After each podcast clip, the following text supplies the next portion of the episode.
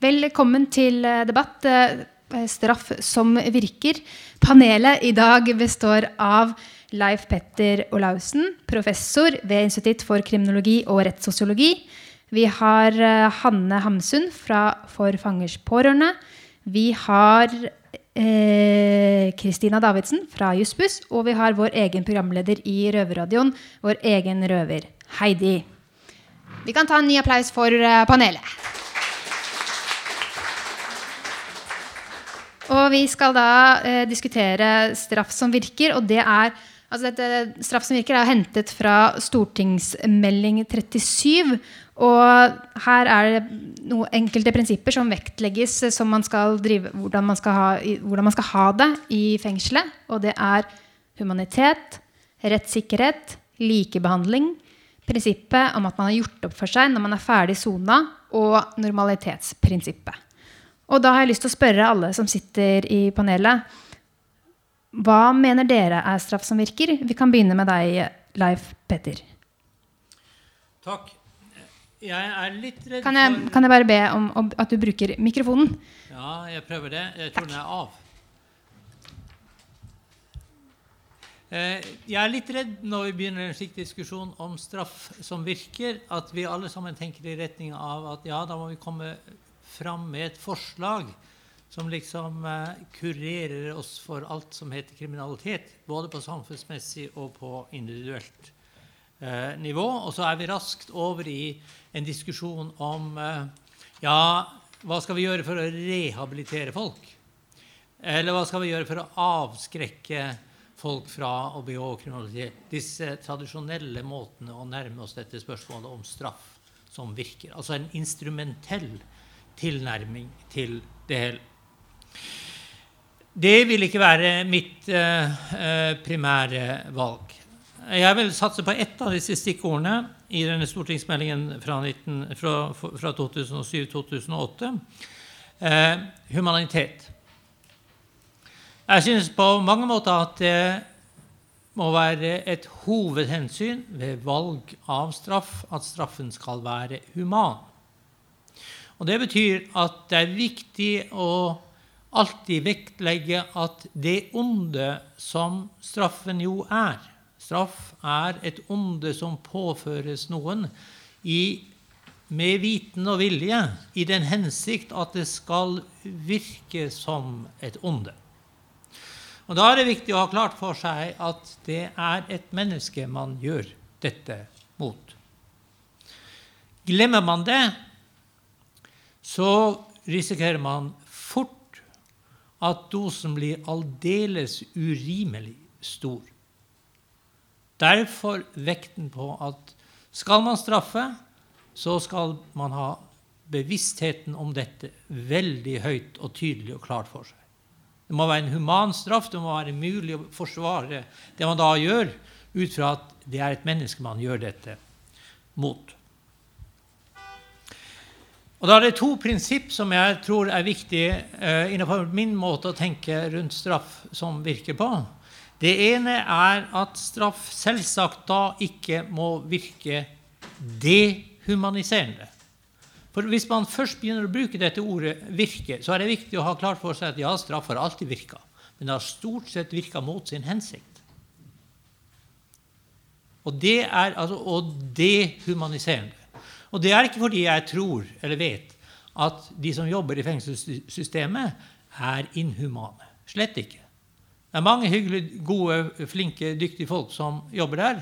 Og det er ikke det som gjør fengselssystemet til et inhumant system som i stor grad virker dehumaniserende. Grunnen til at systemet virker dehumaniserende, det er at det liv som fengselsvesenet åpner opp for, og det liv som fangene avskjæres for, fra, det er det som gjør at fengselsstraffen er, virker dehumaniserende i stor grad. Og Jo mer man bruker av den straffen, jo større grad påfører man altså folk en inhuman straff, etter mine begreper. Så det bør det være minst mulig av.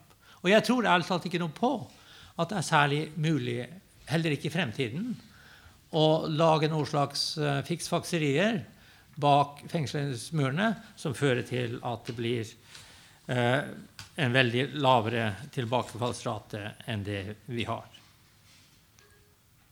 Så det andre man da må legge vekt på, det er at det man måtte finne på i fremtiden å bruke av straff, det må være et eller annet eller flere ting som, øk, som kan føre til at det øker sannsynligheten for at den som blir påført denne straffen, blir i stand til å leve et vanlig, normalt menneskelig samliv med andre. Enten det er familie, bolig, jobb, utdanning. Det må være et grunnprinsipp for valg av det jeg vil kalle for en humanstraff. Altså en straff som kan virke i retning av å øke sannsynligheten for at de som rammer straffen, velger sjøl og ikke blir manipulert til men velger sjøl å leve et liv på riktig side av loven. Takk. Eh, jeg har lyst til å Sånn, ja. Takk. Eh, Hanne, eh, hva synes FFP om er en straff som virker? Ja, Det er jo veldig store og vanskelige og viktige spørsmål da, om, om straff virker. Eh, og hva det eventuelt er som virker med straffen. Og det ble ikke noe lettere Leif Peter, når du sa at man kunne komme til å begynne å snakke om hva som eventuelt kunne være rehabiliterende. Eh, for jeg var litt mer på det sporet. Så jeg hadde tenkt å si noe om hva FFP mener er viktig nettopp for at det skal være mulig å kunne bli rehabilitert. da. Men altså med straff som virker, så tenker jeg og FFP at det skal legges til rette for at innsatte eh, gis en mulighet til å klare seg i samfunnet etter soningen. Og da helst uten å begå nye straffbare handlinger. Eh, og For å klare seg i samfunnet etter soning så er det jo noen viktige brikker som må på plass. Eh, som f.eks. Eh, arbeid eller skole, et sted å bo, eh, og ikke minst et nettverk. Og eh, i og med at jeg kommer fra organisasjonen For fangers pårørende, så er det jo nettopp dette med nettverk som vi i FFP er veldig opptatt av. Eh, og stortingsmelding nummer 37, som var litt utgangspunkt for eh, denne delen av debatten, eh, den var viktig for eh, FFP og for pårørende. Eh, og det var fordi at det ble satt et eh, nytt fokus på pårørende. både i forhold til på hvilken måte pårørende rammes av en fengselsstraff, og hvordan pårørende kan være en ressurs. Og dette var et nytt fokus, for det sto i stor kontrast til den forrige stortingsmeldingen fra 98 som så vidt nevnte pårørende, og det lille som ble skrevet, det var eh, bare i negative ordelag. Men med den nye stortingsmeldingen nummer 37 eh, så ble det innført prinsipper som eller Prinsippene ble i hvert fall løftet av dette med nærhetsprinsippet og normalitet. Eh, og i det bildet så ble det vanskeligere å ignorere pårørende og betydningen av familie og nettverk. Eh, og, Stortingsmelding nummer 37 hadde også flere gode forslag til hvordan denne delen av eh, eller hvordan kriminalomsorgen kunne legge bedre til rette for nettopp familiekontakt. Og vi må jo si i FFP at vi synes at det har skjedd en positiv utvikling på dette feltet. Eh, det har kommet besøkshus og en del positive tiltak for pårørende. Eh, som for eller ikke for pårørende, men for innsatte eh, i forhold til dette å kunne opprettholde rollen som f.eks. pappa eller mamma. Det har kommet eh, fedre- og mødregrupper. Eh, og det har kommet en del tiltak som i større grad inkluderer de på utsiden. Eh, og en veldig viktig ting som har skjedd, er etableringen av barneansvarlige, som ble innført i alle kriminalomsorgens enheter i 2014. Noe som gjør at noen på innsiden ser barna og ønsker å legge til rette, eller har en forpliktelse til å legge til rette for at barns eh, kontakt med sine foreldre blir ivaretatt, selv om den ene parten soner. Om disse tiltakene gjør at straffen virker, det skal jeg ikke svare på. Men de er i hvert fall med på å gjøre straffen litt mindre Eller for å gjøre, gjøre litt, livet litt lettere for de straffen ikke skal ramme. Eh, nemlig de pårørende. Eh, for det man i hvert fall kan si eh, når man snakker om straffen virker, det er at den virker dårlig når det skapes nye offer. Og det er, En fengsling skaper store problemer for de på utsiden, og mange pårørende lever med både sorg og savn, Eh, mange får helseproblemer og økonomiske problemer. Og dette rammer også barna.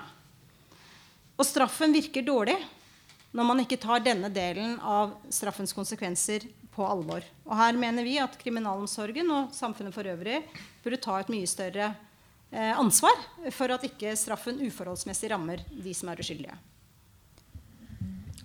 Eh, Kristina, hva mener dere i Jussbuss er en straff som virker? Eh, vi i Jussbuss mener jo da, i motsetning til Olaussen her, som ikke hadde så lyst til å snakke om rehabilitering, så mener jo vi at det er det som funker. Og man kan se på det på mange måter. Og eh, det vi opplever når vi snakker med våre klienter, er jo at det er de økonomiske ressursene som gjør at rehabiliteringen blir fraværende. Det er ikke det at de som jobber i fengsler, er fæle som folk som ikke ønsker de innsatte noe godt. Men når man ikke har penger til å ha folk på jobb, så fører det til at det blir mer innelåsning. Vi har klienter som gir tilbakemelding om at de sitter mye mer på cella nå enn de gjorde tidligere. Og når det er færre på jobb i fengselet, så blir det viktigere for fengselet å prioritere sikkerheten. For det er jo ikke det at et fengsel skal driftes uten sikkerhetsrutiner. Og det går jo da på bekostning av de innsattes mulighet til å bygge relasjoner både til de innsatte og til de ansatte. Og det igjen fører til at det blir vanskeligere å rehabiliteres, som vi mener da er eh, veldig viktig for å lykkes på utsiden når man da skal bli naboen til noen, som man så fint snakker om. Eh, vi opplever også at det er mye kutt i programtilbudene. Eh, FFP snakker om at eh, de er fornøyde med at det har kommet mange positive tiltak i det siste som involverer de pårørende.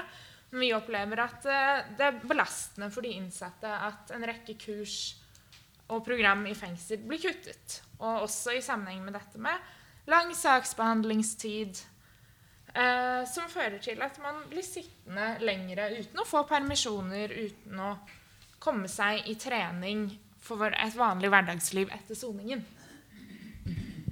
Takk. Heidi, du sitter i fengsel. Hva mener du er en straff som virker? Et meningsfylt meningsfullt innhold i hverdagen er noe vi trenger, og det er det for lite av. Uh, du blir ikke rehabilitert av å sitte isolert på ei celle.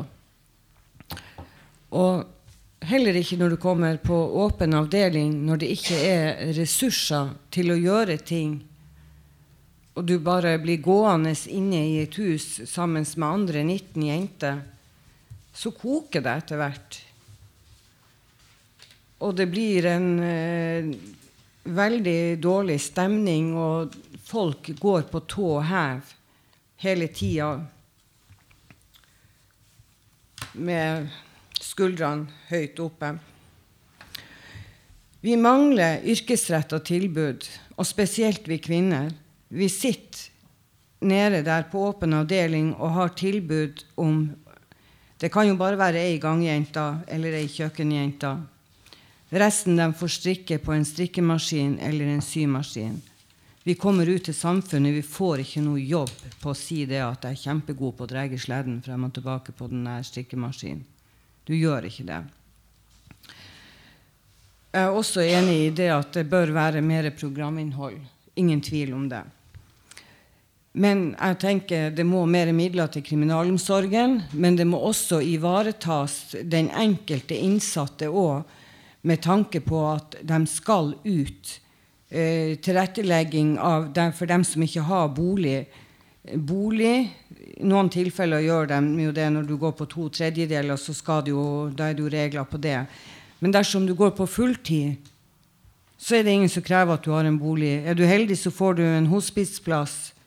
Du har to plastposer i handa og får 4000 kroner fra sosialen. Da er veien tilbake til ny kriminalitet veldig kort. Og jeg tenker òg det at det må være litt mer permisjoner enn det er i dag Nettopp for å kunne bygge et nettverk, og i hvert fall når du kommer på åpen avdeling, for å kunne bygge nettverk, styrke familiebånd, få nye Det med å ikke vanke i dårlige miljøer, eller de miljøene, havne tilbake til miljøene man har vært i.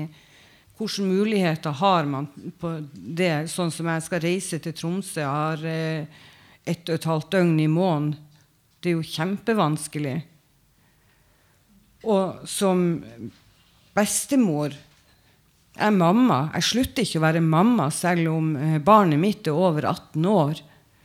Og nå er jeg blitt bestemor, og datteren min har et større behov for meg nå enn hun hadde. Hun hadde ikke behov for meg når hun var 20 og 25 når hun studerte og når hun var på party. og det. Nå har hun behov for meg, og nå er ikke jeg der.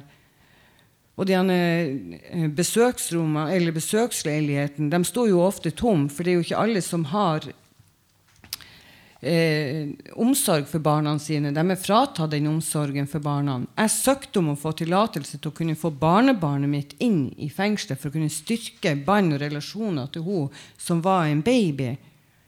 Men jeg har ikke noe rettighet. Fordi at hun er ikke mitt barn. Hun er bare barnebarnet mitt. Jeg tenker òg det at med, med, det med soning med, med, mening. Hvorfor kunne ikke vi ha gjort mer sånn type eh, jobb som f.eks. Jeg går i dag på frigang som frivillighetsarbeider knytta opp eh, til et eldresenter der jeg jobber som aktivitør. Vi kunne ha fylt mange eh, stillinger der ute i samfunnet innenfor omsorgsyrkene vært eh, dratt på besøk hjem til eldre, om så ikke annet enn å gå tur med dem, ta dem ut, gjøre ting. Det er så mange sårbare grupper der ute som har behov og er oversett, og vi kunne ha gjort noe samfunnsnyttig for å Eh, og føler det at vi da på en måte gjør litt opp for oss istedenfor å bare være på oppbevaring. Narkodomstol Hvorfor er det ikke mer tilbud om det? Og eh, samfunnsstraff. Utvida bruk av lenkesoning, også lengre tid på lenkesoning. Jeg skjønner det at har du begått et drap, så skal du ikke på lenkesoning. Men på kortere narkodommer Folk mister, skal inn seks måneder eller syv måneder. De mister boligen sin, de mister eiendelene sine. Hvor motivert er de når de skal ut igjen? Det er vanskelig. Takk. Hvis noen lurte på hva det besøksleiligheten som Heidi snakka om, er, så er det et tilbud man har eh, på, i Bredtvet kvinnefengsel hvis man har barn. Er det ikke sånn, Heidi? Besøksleiligheten? Ja. ja hvor man kan ha barna sine på besøk. Hun nevnte det jo nettopp her, hun også. også ja. jeg, jeg kom ikke på navnet ditt. Hanne, ja. ja. Det er vel en, ja, åtte fengsler eller noe sånt i landet som har eh, besøkshus eller besøksleilighet. Ja. Og det er eh, i hvert fall prioritert at innsatte med barn, da, egne barn, eh, kan få benytte det. Og det er et veldig godt tilbud til de som får få nytte det, men det er helt klart at også andre grupper vil ha stor glede av å kunne bruke det. Mm. Da går vi videre. Eh, Leif Retter, du er jo professor, men nå skal jeg be deg om å prøve å fatte deg litt i korthet, hvis du klarer. Eh, hva sier forskning om straff slik den utføres i dag? Hvis du tar mikrofonen når du skal prate. Når det gjelder fengselsstraffen, så, for det første trygt kan si at uh, um, allmennprevensjon, avskrekking, der er uh, effekten knapt registrerbar og ofte negativ. Men på en annen side så er det vel også sånn at helt uten straff så er det opplagt at vi vil ha vesentlig mer kriminalitet på en del områder. Så en viss dose straff er nødvendig, men det er ikke sånn at jo mer straff, jo mindre kriminalitet. Det er ingen sammen mellom dose og straff og endringer i kriminalitet. Når det gjelder rehabilitering, så er også bildet veldig variert og sammensatt. Det er nok en god del ny forskning som tyder på at uh, en del ulike positive tiltak, som alle de som sitter på min høyre side, har en viss rehabiliterende virkning overfor i hvert fall noen av de som får fengselsstraff. Så det er ikke sånn at bildet er på en måte helt svart. Og det er dette at det er bare i noen grad sånn som gjør meg nølende til å bruke det store ordet rehabilitering. Jeg er blitt tilhenger av å være nokså forsiktig med å bruke det. Det betyr ikke at jeg er imot å gjøre i og for seg alt av det som har vært nevnt av dere tre bortover. Men jeg vil si at ok, jeg vil gjøre det av rent humane grunner. En god del av dette kan gjøres med den eneste begrunnelsen at det er rimelig at folk av menneskelig hensyn, selv om de har begått kriminalitet, må ha et sted å bo. Altså, noe annet er aldeles urimelig uten at jeg må henge på en ekstra begrunnelse om at det virker rehabiliterende. Eller at de skulle få mulighet til utdanning hvis de har store høl i utdanningen sin eller jobb, for den saks skyld, og rimelig muligheter til å ha et normalt familieliv osv. Jeg er for det, fordi det kan, det kan bidra til å, at de velger å holde seg på den riktige siden av loven. Men jeg vil ikke gå ut med den garantien om at Det er vel kanskje en forskjell mellom dere og meg. At eh, det virker rehabiliterende. Jeg vil si det gjør vi av rent menneskelig humane grunner. Punktum. Takk. Eh, Hanne, de siste årene så har vi sett flere kutt i kriminalomsorgen. Hvordan opplever fangers pårørende disse kuttene? Jeg vil bare først kommentere noe som ble sagt her i sted. Ja. Eh, at jeg kunne kanskje inntrykk av at det var sånn helt nå i det siste at det var blitt veldig positive endringer i kriminalomsorgen. Men jeg så det på litt lang sikt. Eh, siden stortingsmeldingen kom i 2006-2007. Ja. Eh, og da hadde det vært eh, svært dårlig tilrettelagt før det. Og så så man noen lysglimt etter stortingsmelding nummer 37. Men jeg kunne snakket veldig lenge om hva som kunne vært gjort bedre i forhold til familiekontakt. Og det er et enormt potensial for eh, kriminalomsorgen å legge bedre til rette. Og nettopp de humane grunnene til det er jo det som er viktig. Og om det kan være også rehabiliterende eller forebygge kriminalitet for f.eks. barn til innsatte som er i en sårbar gruppe, så er det i hvert fall et stort pluss. da. Men ja, vi skal snakke om eh, hvordan vi har sett eh, kutt i kriminalomsorgen. Eh, og da kan jeg jo først si at Gjennom eh, FFP sitt arbeid så er vi mye rundt i fengslene og har mye møter både med ja, eh, fengselsledere, de som jobber i besøket, vi møter innsatte. Eh, nå møter vi også mange barneansvarlige. Og selvfølgelig har vi jevnlig kontakt med pårørende. Daglig kontakt med pårørende.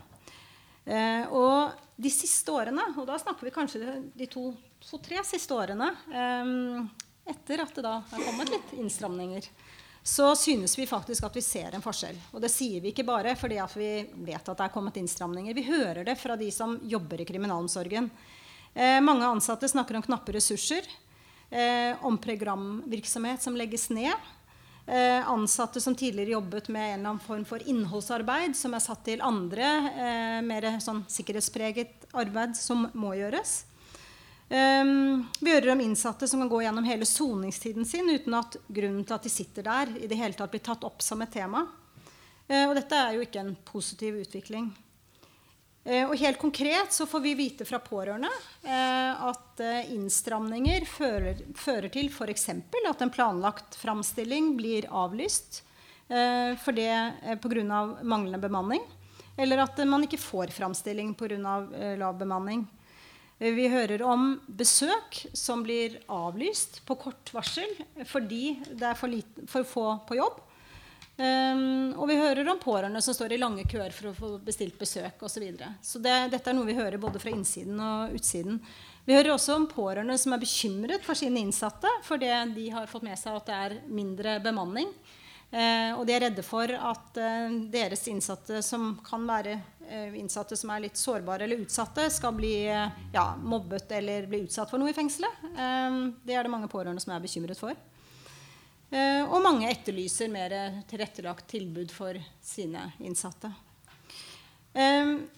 Så jeg har bare lyst til å si igjen det jeg sa i sted. At det er jo ikke bare eh, knappe ressurser som gjør at de ansatte ikke kan jobbe så mye med innholdsarbeid som de kanskje hadde ønsket. Det er jo også at de må bruke mye ressurser på å rekruttere innsatte til Norgerhaven. Det sier de selv at går utover det.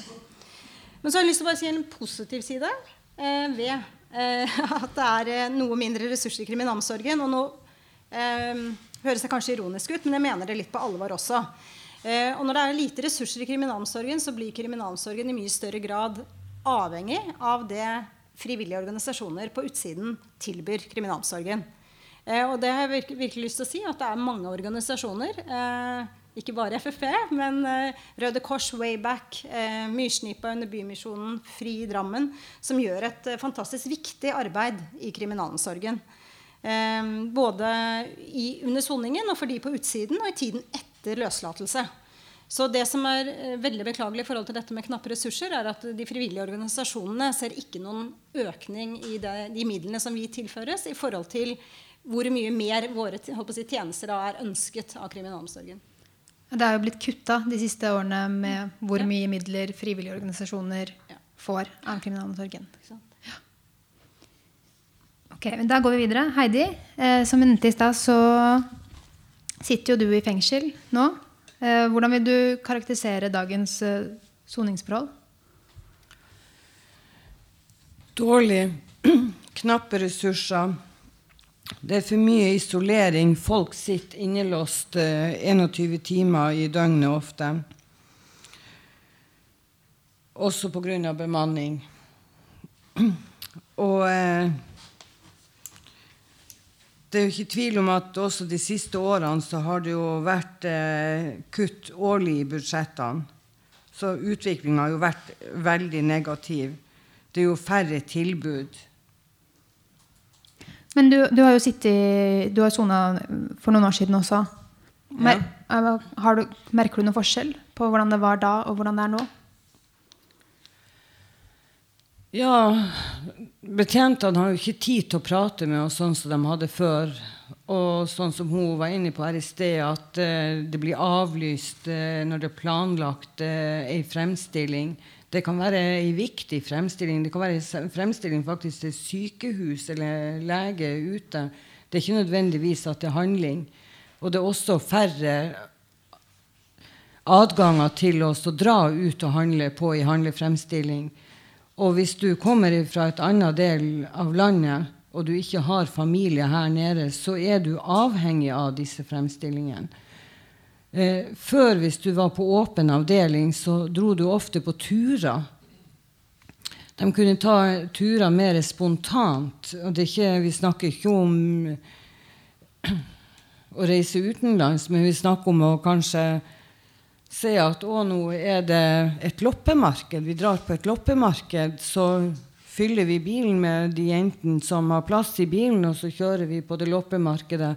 Og bare det lille avbrekket, en time eller to borte fra fengselet, det gjør noe med deg. Det er det ikke penger til lenger. For det første så er det færre betjenter på jobb, så vi må ha flere betjenter inn enn det som var, for det er mindre bemanning. Og det er også mindre penger på budsjettene til aktiviteter. Det er også mindre penger til mat, faktisk. Kvaliteten på maten er gått ned. Eh, før så fikk du en frukt eller en yoghurt. Veksla gjerne annenhver dag, så du fikk utdelt til middagen. Det er borte. Og hvor mye næring er det i frosne grønnsaker som er kjøpt i poser og varma opp? Jeg kan spørre om en ting til. Jeg vet at f.eks. i Oslo fengsel så sier de ansatte som jobber der, sier at det aldri har vært så um, ille tilstander der uh, på veldig veldig lange tider. Det er masse voldsepisoder og rus. Jeg snakka med en betjent uh, sist uke. Han sa han har jobba i Oslo fengsel i 15 år, og det her var den verste sommeren hans noensinne. Er det, i, nå sitter du i kvinnefengsel. Er det, er det, du, har du noe kan du sammenligne det med forrige gang du satt der? Det, er, opplever du noe forskjell? Ja, vi slåss jo kanskje ikke, men det er voldsomt mye intriger og baksnakkelse og grupperinger, og det har det ikke vært. Rus, er det mer Eller vet du om det? Ja, selvfølgelig er det rus. Men vet du om det er noe mer nå enn før? Mm, det tør jeg ikke å si. Nei. Det er vanskelig det er å svare på. slippe å svare på det. Ja. Uh, men uh, Heidi, vi, vi, bare fortsetter bitte litt på deg hvis ingen har noen andre kommentarer til det her. Um, fordi du har sittet først uh, på høysikkerhet, og nå sitter du på avdeling B2 på, på Bredtvet, som er en åpen Åpen, åpen avdeling. Ja. ja. Hvordan opplever du å sitte på åpen avdeling sammenlignet med å sitte på, i høysikkerhetsfengsel? Du føler at du kan puste litt mer. Du, det, du får en litt annen hverdag. Litt mer normalt. Du blir ikke innelåst. Det er ingen som låser døren etter deg. Du kan gå ut av Det er ikke gitter foran vinduet, så det, ikke, det oppleves ikke som ei celle, men som et rom. Og du har anledning til mer fellesskap, mindre isolasjon. Og det betyr jo veldig mye, det. Nå er jo vi ekstra heldige i og med det at eh, B2 er jo leid av eh, hva det, det, er jo en kirkelig organisasjon. Frelsesarmeen? Nei. Nei. Nei da, men det spiller ingen rolle hvem. Jeg kommer ikke på det nå, jeg er sliten. Men uh, uansett så, så, er det, det er den katolske kirken. Og uh, der er det ikke gjerder. Og det, har, det, er et nedlagt mødrehjem. Så der er det jo en veldig stor hage. Og bare den muligheten å kunne gå ut i den hagen Det er terapi å kunne gå der og plukke nå på høsten epler Tidligere har det vært plomme plommer som har vært moden, kirsebær. Vi kan høste av hagen. Vi kan gjøre noe sammen. Vi kan bake ei kake ut av det her. Og det er jo sånn som du er avskåren ifra når du sitter eh, oppe på lukka med en times eh, lufting om dagen. Og er du ikke i form, så får du ikke luft den dagen. Nå kan du jo sjøl dirigere når du vil gå ut og ta deg en luftetur. Om du ikke kan gå, har store områder å gå på, så har du nå i hvert fall litt. Og du har litt grøntarealer. Og du har en røykekrok. Det har veldig mye å si. Også det at betjentene ikke går i uniformer. Og det forventes at du tar mer ansvar for egen soning. Dvs. Si at du ordner opp sjøl. Det er ikke så mye kontaktbetjenten gjør. Du gjør i større grad eh, ting som kontaktbetjentfunksjon har oppe på høysikkerhet. Og det er positivt med tanke på at man skal ut, at man tar litt mer ansvar for eget liv. Ja. Um, uh, Hanne? Um, nå har vi jo vært litt inne på det, men uh, dette med rehabilitering det har jo vært uh, mantra i kriminalomsorgen i veldig, veldig mange år nå. Um, hva tenker dere i FFP om rehabilitering i norske fengsler? Ja, Med lang kjennskap til og deltakelse i KROM sine debatter, og med bakgrunn i kriminologi selv, så vet jeg jo at det er en viktig og vanskelig diskusjon dette med om rehabilitering i fengsel er mulig, og om endring kan skje under tvang. Eh, FFP mener uansett at det er viktig med et innhold i soningen. Et fengsel med innhold og program som i hvert fall kan gi en mulighet for endring, eh, er i hvert fall langt bedre enn et fengsel som ren oppbevaring. Eh, og fra et pårørendeståsted så er det nesten et Eller pårørende nærmest krever ofte at det må kunne, må kunne gis et tilbud til det familie, som familiemedlemmet kan ha ulike former for problemer. Og mange kan jo også trenge litt hjelp til å komme på rett kurs eller få hjelp med f.eks. et rusproblem. Og så er jo FFP da eh, veldig opptatt av dette med familiekontakt. Og som jeg sa i sted, dette, det er et kjempepotensial i forhold til hvordan det kan legges bedre til rette. Og vi, fortsatt så er dette med én time besøk en gang i uken hovedregelen i norsk kriminalomsorg. Enda stortingsmelding nummer 37 sa at kvotene burde kunne økes. Og selv om, eh, selv om, mange fengsel har økt, eh, så er det åpenbart at det er så enorme knappe ressurser for å kunne opprettholde familielivet under soning, og dette er det mulig å gjøre noe med. Og det er viktig både i forhold til rehabilitering, men ikke minst i forhold til å forebygge skade hos eh, de som er uskyldige. Men jeg syns også det som, eh, som, Heidi sa her, det viser jo den enorme forskjellen på et åpent fengsel og et lukket fengsel. Og det er også utrolig viktig i forhold til at det gir utrolig mye bedre rammer for uh, rehabilitering. Og enda bedre enn det alternative straffer. F.eks. hjemmesoning med elektronisk kontroll. Uh, som viser også gode resultater i forhold til rehabilitering. Og det er jo kanskje nettopp fordi at det skaper mindre skade. Eh, og at man har mulighet til å opprettholde den rollen man har både i samfunnsliv og, og familieliv.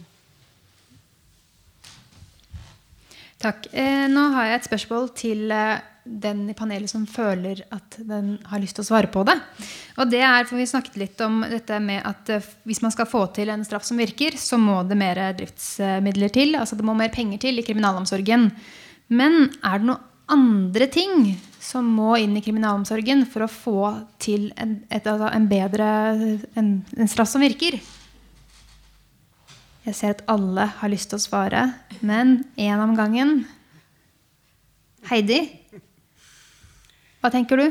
Ta gjerne mikrofonen. Det er jo viktig med innhold. Men jeg tenker også at det er viktigere at vi faktisk får flere betjenter som har tid til dem som er der. At folk får hjelp, og at folk blir sett.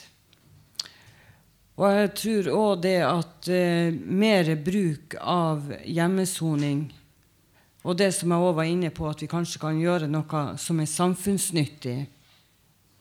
Om så når du er på åpen avdeling, at du kan eh, gjøre Gå inn i, på aldershjem, sykehjem. Eh, utføre andre oppgaver som faktisk eh, staten eller kommunene ikke har råd til, men som det er et skrikende behov for. Det viktig, tenker du at det er viktig for innsatte å føle at de bidrar til samfunnet? Er det derfor? Ja, det vil gi et, en soning med mening. Er det noen flere som har lyst til å legge til noe? Er det noen andre Mener dere at dere syns at alt funker?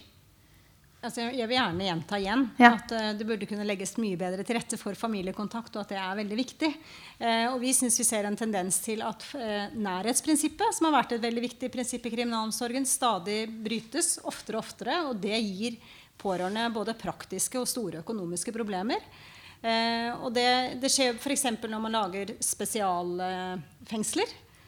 om det er til forvaringsdømte, om det er til kvinner, for det er mye færre kvinnefengsler eller ungdomslovbrytere, eh, så, så, gjør jo det at fengselet ligger gjerne langt fra hjemstedet og langt fra der familien bor. Og vi syns det er et veldig viktig prinsipp at når nærhetsprinsippet brytes, så bør det kompenseres med reisestøtte for familiene. Slik at ikke økonomi blir en grunn til at man ikke kan opprettholde noe så viktig som nettverk og familie. Ja, fordi Nærhetsprinsippet sier at man skal få lov til å sone i nærheten av der man er fra. Nettopp. Ja. Men, men, det brytes jo veldig ofte fordi at uh, sånn som jeg som kommer fra Tromsø, jeg kan jo bare si det at det nærmeste fengselet for å sone, det er jo i Trondheim, som har syv plasser for kvinner. Eller så må du hit ned.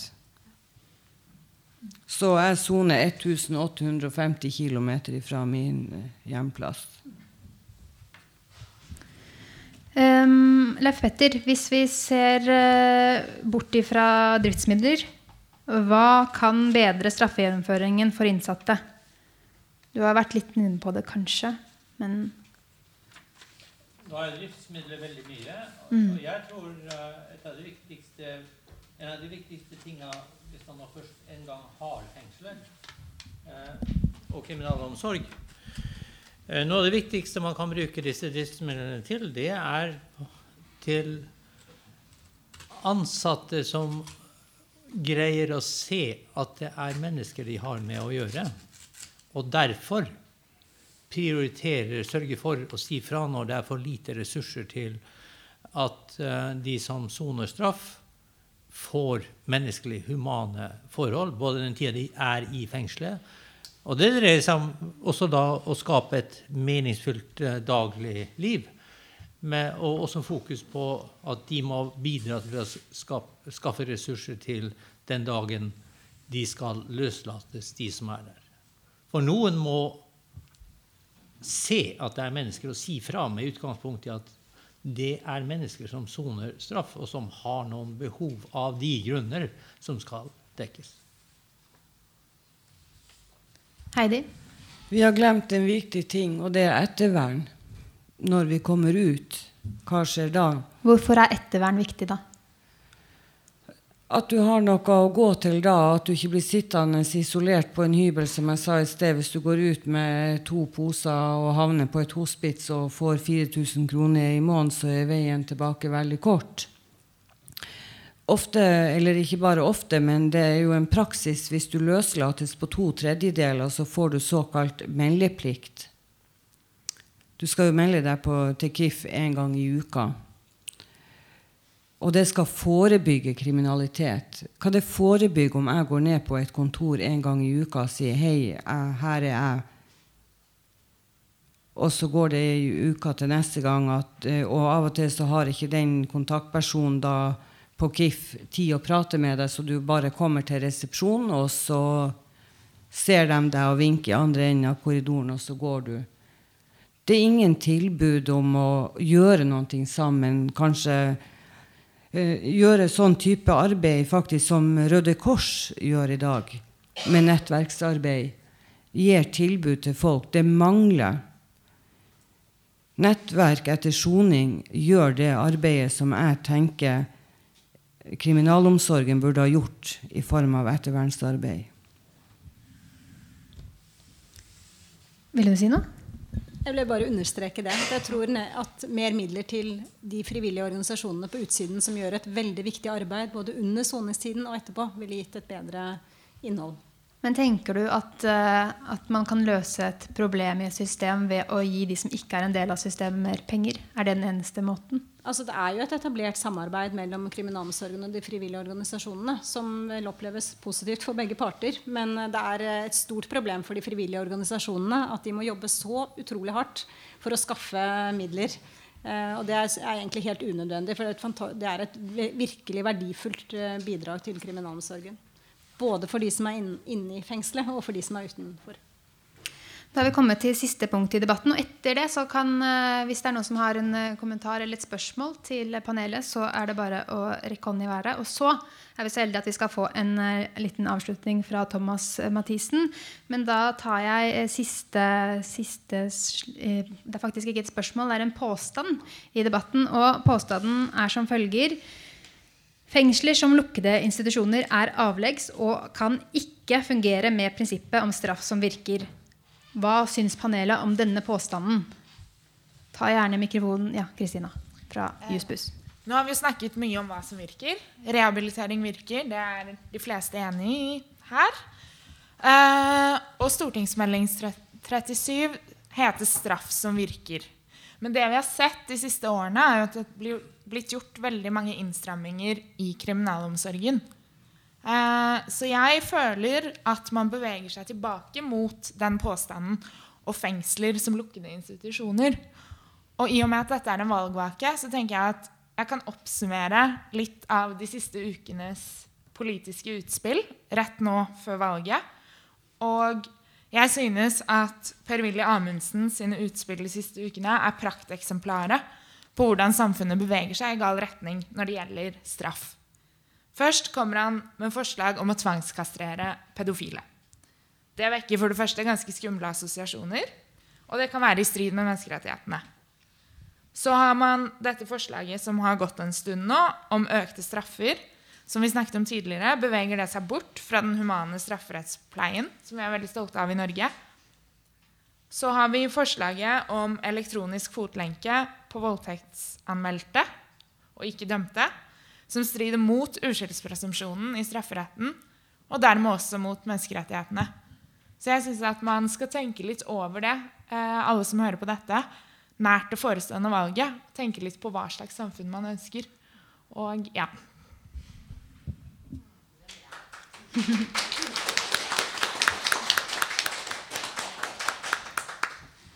Leif Petter? Jeg tror vi har ganske lang eh, og mye erfaring fra mange land, eh, som kort består i at ute av syn, ute av sinn. Og Det er en av de viktigste grunnene for min skepsis til fengselsstraffen. Med hensyn til at det noen gang kan komme til å bidra til å redusere omfanget av kriminalitet, eller til at de som nå har havna der, får et lykkeligere liv siden, eller de som tilhører deres familie, og heller ikke ofrene. Min skepsis til fengselsstraffen har ikke blitt mindre eh, i løpet av den tida som jeg har studert kriminologi og jobba med kriminologi som fag. Snarere tvert imot. Vi bør bruke mindre av det for å komme bort fra det at de som er ute av syne, er ute av sinn.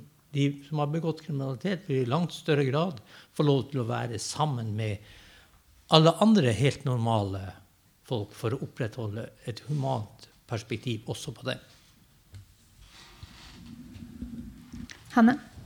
Ja, Det er jo egentlig veldig fristende å svare ja på spørsmålet ditt om lukkede fengsler er avleggs. Det passer godt i, i denne forsamlingen, eh, og det ville gjort debatten litt kortere. Eh, det er vel slik at vi fortsatt trenger fengsler og lukkede fengsler, i hvert fall for noen. Men hvorfor er det f.eks. slik at mens andre land, som f.eks. Sverige, i stadig større grad bruker mindre lukkede fengsler og mer alternative straffer, så går trenden den andre veien i Norge. Og det er virkelig noe man må ta tak i, og det er politiske valg. Eh, og noe man må være bevisst på. Eh, og bruken av alternative straffer gir eh, mindre skader, bedre rehabilitering, og det skader også i mindre grad eh, familie. Og så er det vel også noen trekk ved de lukkede fengsler. altså som i seg selv er avleggs. Altså Fengslene kunne kanskje utvikle seg og forandre seg en god del. Eh, fra vårt perspektiv så har vi vært veldig opptatt av at fengslene må bli mye mer fleksible. Altså én time kontakt og 20 minutter telefon på et fast tidspunkt i uka. Det er ikke sånn vi kommuniserer lenger. Eh, så fengslene må bli mer fleksible for at man skal kunne opprettholde kontakt med samfunnet på utsiden. Eh, og vi var på et, eh, på et, litt spennende foredrag faktisk, om bruk av ny teknologi i fengselet. Og jeg var fryktelig skeptisk og tenkte at dette kommer jeg til å være imot. Men det var faktisk ganske spennende fordi at det fins si, ny teknologi som kan gi en helt annen mulighet for kommunikasjon utenom verden. Og også mulighet for at innsatte ikke skal bli stående så langt fra den teknologiske utviklingen som vi har i samfunnet for øvrig. Så det var faktisk et par små lysglimt der. Så jeg tenker at eh, lukkede fengsler slik de er, ja, de er kanskje avleggs. at det, I den grad man fortsatt trenger lukkede fengselsplasser, så kan man kanskje gjøre fengslene litt mer eh, moderne. rett og slett. Men det aller viktigste er selvsagt å se på at åpne fengsler er et bedre alternativ. Og alternativer til fengsel i det hele tatt er selvfølgelig et enda bedre alternativ. Vil du legge til noe Heidi, på slutten, eller er det, føler du at det som Nei, jeg føler vel at jeg er ganske enig med dem i det de sier. Og det med teknologi er jo kjempeviktig, fordi at mange kommer jo ut og er jo helt avleggs. Kan ingenting. Og det er tragisk. Det, jeg jobber på Røde Kors nettverkshus i tillegg til det eldresenteret. Og der er faktisk folk på over 50 år som nå går på kurs og skal lære seg data, lære seg å betale i regning ved bruk av data. Og også inne i fengsel. Eh, Bredtvet eh, Der er jo ikke Skype. Vi har jo utlendinger som sitter der. Og holdt på å si, jeg er jo utlending sjøl når jeg er nesten eh, 2000 km hjemmefra. Det hadde vært fint å få sett eh, barn og barnebarn. Men den muligheten har vi ikke. Vi har ikke engang håndholdte telefoner. Vi står i en telefonboks ute i en gang med høy trafikk, så alle andre kan delta i samtalen. Og sånn skal du ringe til advokat, eh, psykolog, psykiater Uansett. Du har veldig lite privatliv. Vi håper at kriminalomsorgen får høre om det her. Og det, vi har mulighet til å gjøre det. fordi vi i Røverradioen kommer til å legge ut debatten på internettet. Så kan dere bare finne linken, og så foreslår at alle tar ansvar selv. Og så sender alle en mail til alle man kjenner i kriminalomsorgen. Kanskje sånn spam-greier. Så alle får hørt det. Så kommer det ut